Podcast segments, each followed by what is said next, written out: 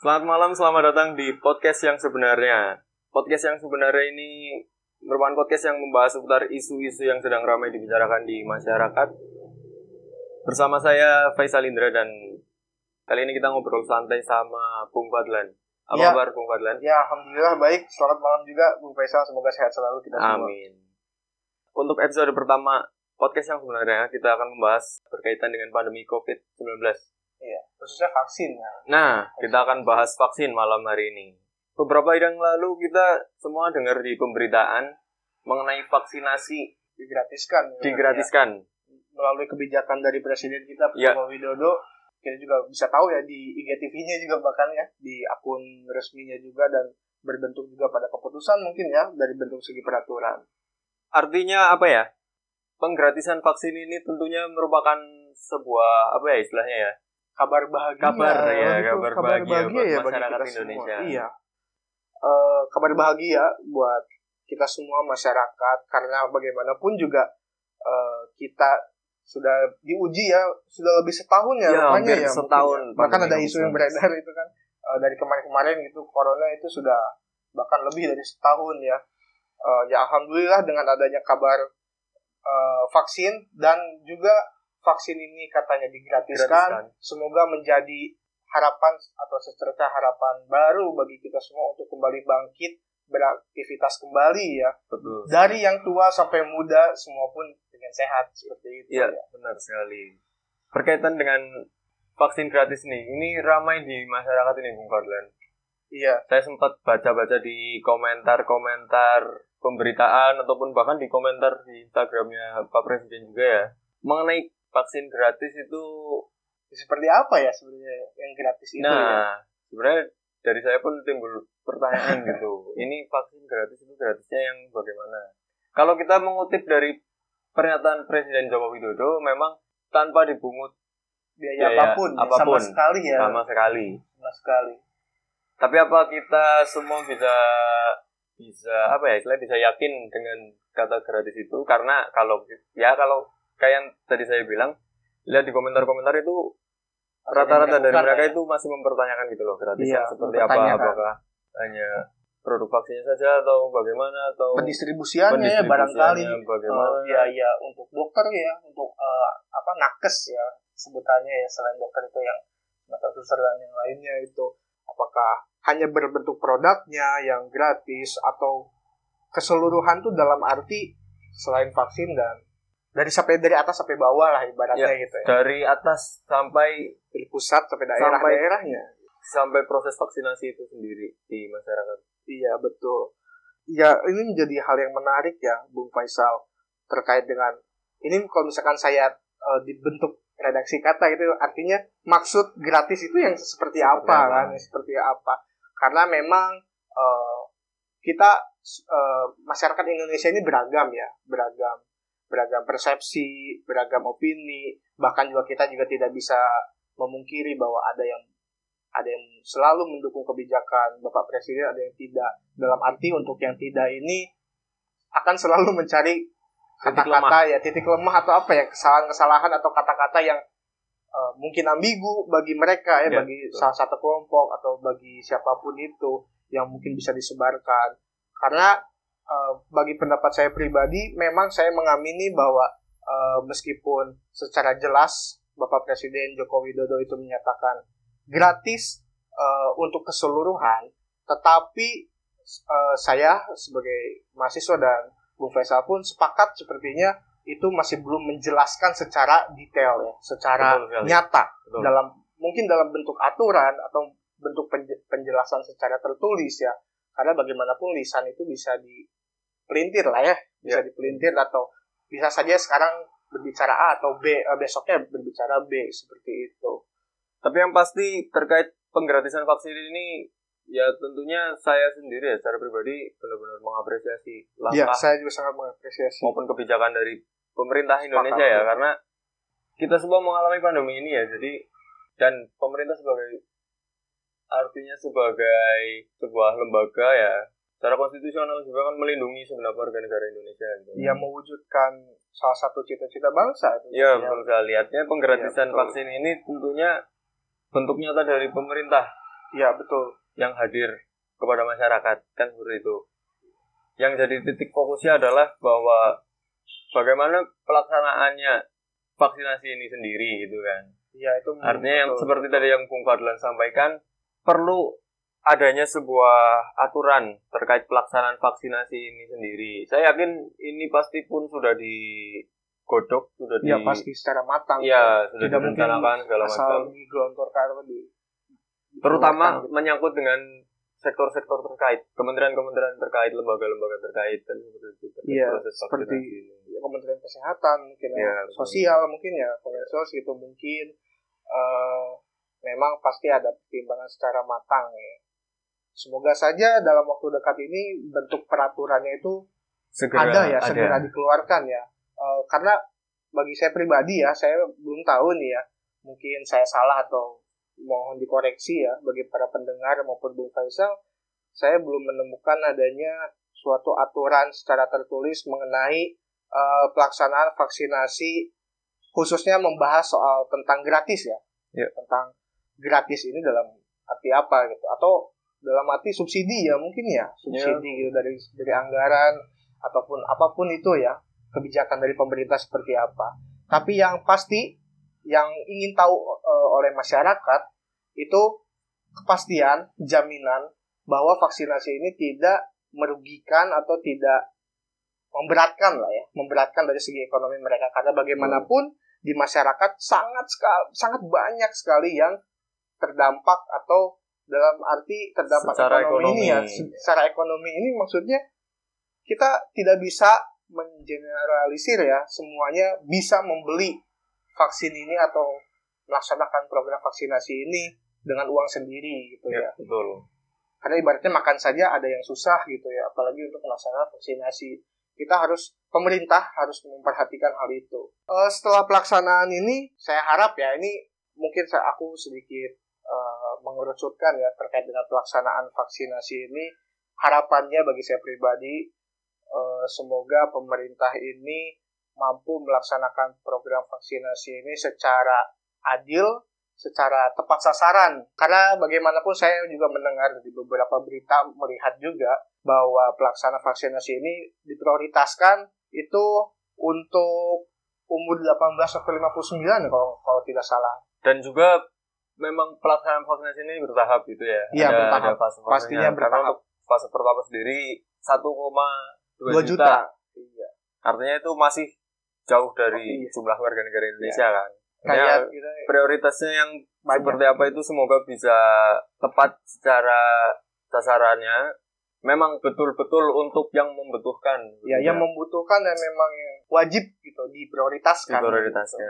Dalam arti eh, selain umur ini ada prioritas kita tahu ya garda terdepan kita yang nakes sepertinya sudah menjadi suatu kewajiban ya untuk divaksinasi terlebih dahulu karena Ya, bagaimanapun mereka akan sering Yang bergelut ya bersinggungan dengan para pasien, Pasien. ya para pasien dan berbicara soal eh, sasaran siapa saja ini kita juga pasti bersinggungan tentang prioritas. Nah setelah tadi yang saya jelaskan ya atau apa ya saya harapkan ya saya harapkan ini eh, selain umur antara umur yang 18 sampai 5 59 itu oh ya sebelumnya saya sepakat saya pribadi sepakat untuk eh, prioritas umur itu memang eh, antara umur range antara 18 sampai 18. 50 59 tahun Iya. atau 60 ya kalau kalau saya nggak salah ya Eh, itu memang karena usia itu masih usia produktif kita juga tahu ya itu masih usia produktif dan sering pasti akan sering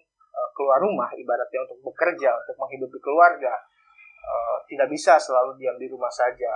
Eh, bagaimana menurut Bung Faisal ini apakah tepat gitu yang oh, prioritas umur antara 18 sampai 59 ini? Tentu apa yang eh, apa yang udah direncanakan oleh pemerintah untuk kebijakan-kebijakan dan terkait prioritas vaksin di fase pertama ini tentunya sudah melalui pertimbangan yang matang ya seperti yang kita semua bisa pahami terkait prioritasnya tadi yang seperti disampaikan Bung Fadlan terkait proses vaksinasi ini kan yang diprioritaskan usia 18 sampai 59 ya 59 kalau tahun. tidak salah iya betul dengan Oh. jumlah apa ya warga negara di usia tentang usia segitu kan pasti jumlahnya banyak kan iya pasti dan tersebar, di Tersebar. seluruh Indonesia. Betul. Bagaimana pendistribusiannya itu kan yang paling penting juga kan. Yang Artinya dipertanyakan ya. Semuanya harus jelas dan tepat sasaran seperti itu yang tadi Bung Fadlan sampaikan gitu loh. Iya, Artinya ini kan menyangkut kepada masing-masing kepala daerah, betul. masing-masing masing-masing dinas kesehatan di daerah-daerah terkait pendistribusian vaksin ini. Bagaimana mekanisme eh, apa ya istilah pendataannya warga negara yang diprioritaskan.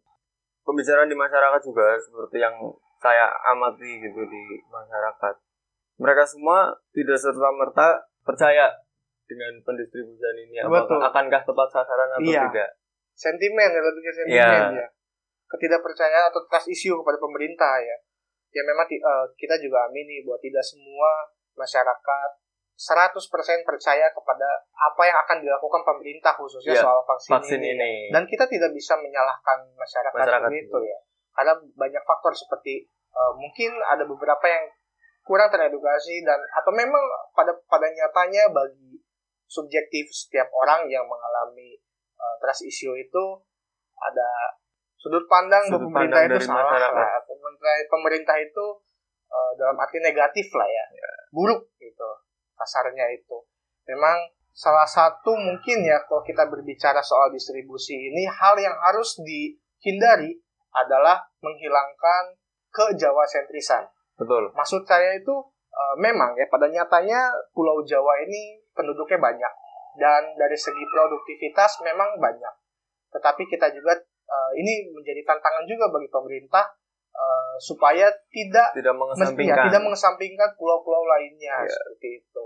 Karena bagaimanapun ini menjadi suatu hal yang sangat vital dan bisa menjadi bom waktu di masa yang akan datang mengingat tahapan-tahapan ini tidak bisa tidak tidak hanya selesai dalam satu malam ya sepertinya betul. Bung Faisal bahkan satu bulan pun sepertinya tidak bisa ya. Butuh satu tahun penuh satu tahun sepertinya. lebih seperti mungkin lebih ya. lebih lebih. Iya karena bagaimanapun susah ya untuk kita ratusan juta. Rakyat Indonesia juga yang dalam dalam serentak itu sangat tidak mungkin lah susah gitu. Ditambah dengan fase pertama ini yang jumlahnya yang 1,2 juta iya hanya kan. 1,2 juta gitu. Fase pertama saja hanya 1,2 juta itu masih be- berapa per 100 gitu ya. Iya. kalau dipersenkan itu ya semoga harapannya ya lebih ke harapan bagi saya pribadi. Harapannya pemerintah itu bisa apa yang membuat kebijakan membuat pendistribusian yang adil eh, yang saya bicarakan sebelumnya terkait Jawa sentris itu. Semoga memang benar-benar pendistribusian itu Bisa sangat merata. diperlukan ya merata ya. Merata dalam arti tidak semuanya sama sama dari dari jumlah tetapi memang dari kebutuhan itu sama dan men, apa terkait dengan prioritas tadi ya seperti yang iya. di apa di- kita bahas sebelumnya. Ya distribusi ini juga saya ingin memberi catatan ya pada pemerintah mungkin eh, untuk pendistribusian. Semoga eh, wilayah yang memang sangat besar pes- persebarannya itu diutamakan gitu. Karena eh, wilayah yang sangat besar potensinya itu bukan hanya di Pulau Jawa. Ya. saya lihat ya. Di Pulau Sumatera pun high risk ya. High risk ada benar. beberapa kota yang high risk gitu. Eh, semoga pemerintah bijak lah. Kalau terkait yang disampaikan Bung Fadlan tadi trust issue terhadap pemerintah bagaimana nilai trust masyarakat kepada pemerintah itu sendiri? Lagi-lagi yang saya amati di masyarakat nggak semua masyarakat percaya. Betul. Seperti yang tadi disampaikan. Bung Fadlan dan tidak bisa disalahkan. Artinya di sini bagaimana pemerintah mensosialisasikan vaksinasi ini kepada semua masyarakat kan seperti itu. ya betul. Dan terkait proses sosialisasi pemerintah kepada masyarakat mengenai vaksinasi ini harus juga disampaikan efektivitas mengenai efektivitas dari vaksin itu sendiri Oh, iya, dalam benar. menekan angka COVID-19 seperti yang kita tahu sampai sekarang kan kasus di Indonesia sudah ratusan ribu kan. Ya, Artinya nggak main-main angkanya gitu loh. Iya ini bukan Sementara di satu sisi Di masyarakat besar, gitu. banyak yang nggak nggak percaya gitu loh. Iya betul. Itu Artinya sangat efektivitas dari vaksin juga, ya. itu kan bagi Indonesia. perlu sangat perlu untuk disosialisasikan kepada masyarakat secara langsung. sangat besar harapan saya juga. Ini saya selalu bilang harapan karena memang ini eh, Ya, bagi kita saya semua pribadi berharap, saya ya. berharap pada pemerintah ya Benar, dalam benar. hal ini ya untuk memberikan solusi ya selain kita selain kita juga yang selalu menjaga kesehatan sebagai pemerintah yang merupakan representasi juga ya Betul. gitu dari rakyat gitu atau yang mewakili kepentingan kita semua itu yang mengakomodir kita semua Ya, semoga pemerintah bijak dalam memberikan solusi atau dalam mengalokasikan atau mendistribusikan uh, harapan ya vaksin ini sebagai harapan. Ya, saya melihat vaksin sebagai harapan kita gitu untuk bangkit gitu. Dari segi ekonomi pada khususnya ya dari soal efektivitas ini memang kita tidak bisa memungkiri bahwa tidak bahkan ada beberapa golongan atau ya atau kelompok ya orang yang kurang percaya lah. Bahkan ada yang tidak percaya sama sekali, ya. sama sekali. Bahkan ada yang COVID. ada yang tidak percaya sama sekali ada yang kurang percaya bahwa covid ini semenakutkan itu. Kan kita bisa lihat lah di media massa atau media sosial gitu. Gimana? Kita nggak bisa mem memenjarakan pikiran ya. Kita tidak yeah. bisa menyatukan satu persepsi ya. Nah ini juga tantangan lain ya bagi pemerintah untuk mensosialisasikan dan saya juga mendengar ya sangat menyayangkan ya bagi saya pribadi khususnya ini ada kalau misalkan Bung Faisal tahu itu ada perda ya di DKI Jakarta itu terkait dengan yang tidak mengikuti vaksin itu didenda kan. 5 juta ya kalau nggak salah itu. Uh, itu bagi saya pribadi itu kurang bijak. Dibilang salah juga tidak karena memang ini adalah hal yang darurat bagi hati kecil saya sebenarnya saya setuju untuk apa ya hukuman seperti itu. Tetapi kita juga tahu bahwa kita hidup di masyarakat ini tidak semuanya percaya atau tidak semuanya menyadari bahaya dari COVID ini. Seharusnya bagi saya pribadi, semoga ini tidak terjadi di, di wilayah-wilayah daerah-daerah lain ya uh, aturan seperti ini. Tapi ya memang kita tidak bisa menyalahkan ya itu untuk terkait aturan itu. Semoga yang digencarkan itu adalah sosialisasi. Betul, karena mengenai efektivitas betul, vaksin ini sendiri kan. Betul, itu. saya sangat setuju. Karena jika kita menelaah atau menerka kata-kata dari Presiden Joko Widodo, ini sebenarnya vaksin ini lebih bukan sifatnya bukan imperatif, maksudnya bukan perintah secara paksa, tetapi sebuah solusi yang ditawarkan oleh pemerintah untuk ya untuk menciptakan sebuah harapan baru demi kebangkitan ekonomi ya khususnya bagi masyarakat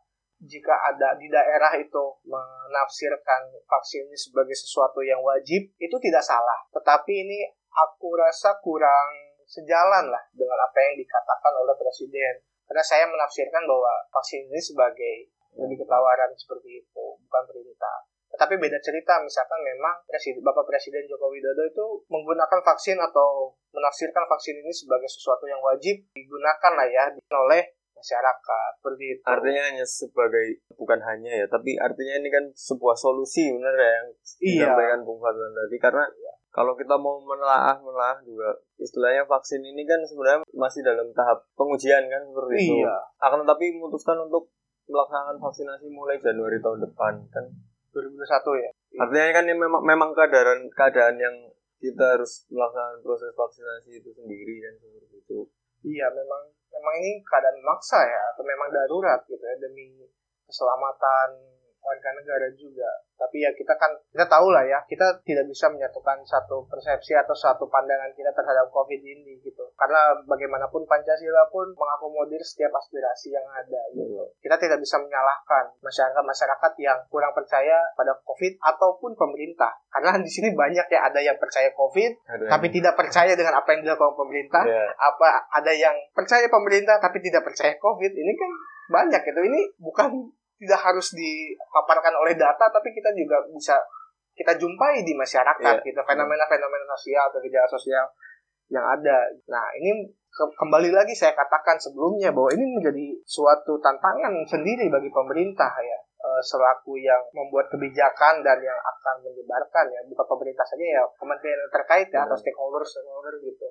Semoga ke depannya tidak terjadi ke kegaduhan yang baru lah terkait dengan vaksin ini gitu karena ya, melihat ya? melihat apa ya istilahnya Betul. pemerintah sudah menggratiskan iya. vaksin ini lalu memprioritaskan vaksin pelaksanaan vaksinasi itu sendiri sampai saat ini itulah yang tinggal perlu kita lakukan kan bagaimana pemerintah mensosialisasikan mengenai efektivitas, efektivitas vaksin itu sendiri tentunya iya betul. Menjadi peran kita semua lah ya untuk iya, saling sebenarnya bukan pemerintah saja iya, kita semua ya bagi yang sadar semua. akan bahayanya. Artinya kita selalu mendukung lah apa yang menjadi iya. kebijakan pemerintah selagi Jika itu baik ya selagi, itu baik, dan bermanfaat dan bermanfaat bagi kita semua gitu. ya ini menjadi peran kita bagi semua masyarakat untuk mengkritisi atau mengawal gitu kebijakan-kebijakan mengenai vaksin ya pendistribusian vaksin. Karena memang uh, ini juga ini sebuah proyek yang besar ya.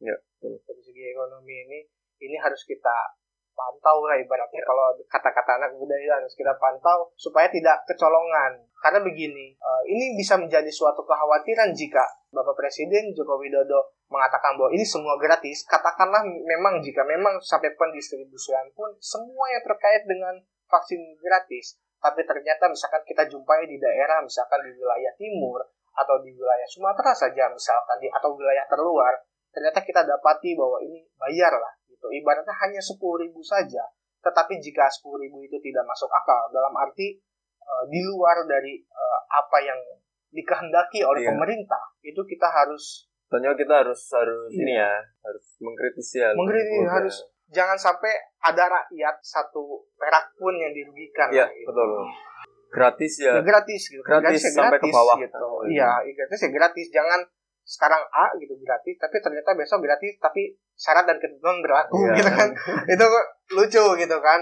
Lucu juga kalau misalnya seperti itu tapi ya itu gimana konsisten dari pemerintah ya? Ya tentu yang yang kita harapkan bagaimana konsistensi pemerintah. Dalam hal ini stakeholder stakeholder yang terkait iya yang menyebarkan ya yang bagaimana berkewajiban untuk ya bagaimana mereka secara konsisten melakukan proses vaksinasi ini sesuai dengan apa yang lagi bapak presiden ya. Iya instruksi bapak presiden mengatakan A harus A gitu. Sampai ke daerah-daerah sampai, sampai ke, ke individu sampai sampai vaksin itu ke saya misalnya yeah. saya pribadi misalkan gitu atau ke Bung Faisal atau ke semua gitu. Jangan sampai ada yang main-main lah. Jangan sampai uh, masalah yang bansos seperti itu ya ada kecolongan juga. Itu, terulang. Iya itu sangat jangan mencoreng uh, nilai-nilai luhur kita gitu. Nilai-nilai luhur Pancasila yang kita ajarkan. Pancasila tidak mengajarkan seperti itu gitu. Sangat disayangkan juga ya ini jadi bahaya kan gitu ya semoga untuk vaksin ini lancar lah ya tidak ada kasus-kasus lah kasus yang tidak ada kegaduhan lah iya, ya. betul. dan saya juga selain besar harapan pada pemerintah uh, saya pribadi besar juga harapan bagi masyarakat untuk mengerti bahwa covid ini memang berbahaya gitu ya bukannya ingin memaksakan persepsi saya gitu terkait bahaya covid tetapi sudah kita lihat di sekitar kita gitu ya banyak yang terdampak banyak yang uh, mohon maaf ada yang sudah mendahului kita semua gitu. Ini ini sudah menyatakan sudah jelas bahwa covid itu memang nyata dan bahaya. Semoga masyarakat masyarakat juga paham ya. Selalu istilah selalu waspada lah ya. Selalu waspada juga selain kita menunggu ibarat menunggu kabar baik atau harapan ya, dari pemerintah betul. untuk memberikan vaksin atau memfasilitasi vaksinasi ini kita juga menjaga kesehatan. Tetap menjaga kesehatan iya tetap menjaga kesehatan karena bagaimanapun juga ini vaksin ini bukan obat ya. ya ini perlu ditegaskan bagi masyarakat, bagi para pendengar bahwa vaksin itu bukan obat. Vaksin itu adalah sebuah tindakan preventif ya, preventif, pencegahan. Gitu. Untuk obatnya beda, beda cerita ya, beda lain ya. Karena sampai sekarang kalau obat, soal obat nggak ada ya. Nggak ya. ada, nggak ada. Memang, gitu. memang belum ada. Iya gitu. Jangan ibaratnya jangan cari masalah lah dengan COVID ini gitu. Karena ngeri juga ya, gitu. kasihan bagi orang-orang keluarga tercinta gitu. Bung Faisal, jika kita berbicara soal tadi ya, aku banyak gitu yang ngomong soal harapan-harapan gitu ya, harapan-harapan kepada pemerintah maupun masyarakat. Ya, jika ingin saya simpulkan, itu semoga pemerintah dan masyarakat itu saling bersinergi lah dan Betul. saling memahami saling ya memahami. terkait dengan pelaksanaan vaksin ini semoga tidak ada kegaduhan antara masyarakat dengan masyarakat, masyarakat dengan pemerintah, pemerintah dengan masyarakat seperti itulah. Ya, artinya kita harus saling dewasa ya memahami iya, peran kita masing-masing, iya. baik itu pemerintah maupun kita sebagai masyarakat, biar apa ya istilahnya pandemi ini juga bisa cepat teratasi dan betul kehidupan kembali normal. Ya, semoga saya sangat menantikan itu ya. ya sebagai bagaimanapun saya sebagai mahasiswa, saya sangat menantikan Merasakan kuliah itu susah kuliah ya. online. saya sulit jadi curhat ini. Ya itulah intinya gitu. Ya semoga ada dengannya adanya vaksin ini kita semua makin sehat lah. Iya. Bisa melawan virus corona ini lah, virus COVID-19 ini. Bagaimana harapan ya Bung Faisal? Ya tentunya harapannya seperti yang kita semua harapkan lah ya. Iya. Ke kehidupan kembali normal itu kan sudah siapa siapa yang nggak mau kehidupan kembali normal, normal seperti sebelum ada pandemi ini. Nongkrong, Artinya kan gitu ya. setiap kebijakan-kebijakan yang pemerintah lakukan untuk mengatasi pandemi ini kan sudah sepantasnya kita sebagai masyarakat turut berperan lah. Setidaknya kita kita mendukung lah apa yang menjadi arah kebijakan pemerintah terkait penanganan COVID-19. Seperti itu, Bung Fadlan. Ya, bahasan yang menarik ya ini terkait dengan COVID.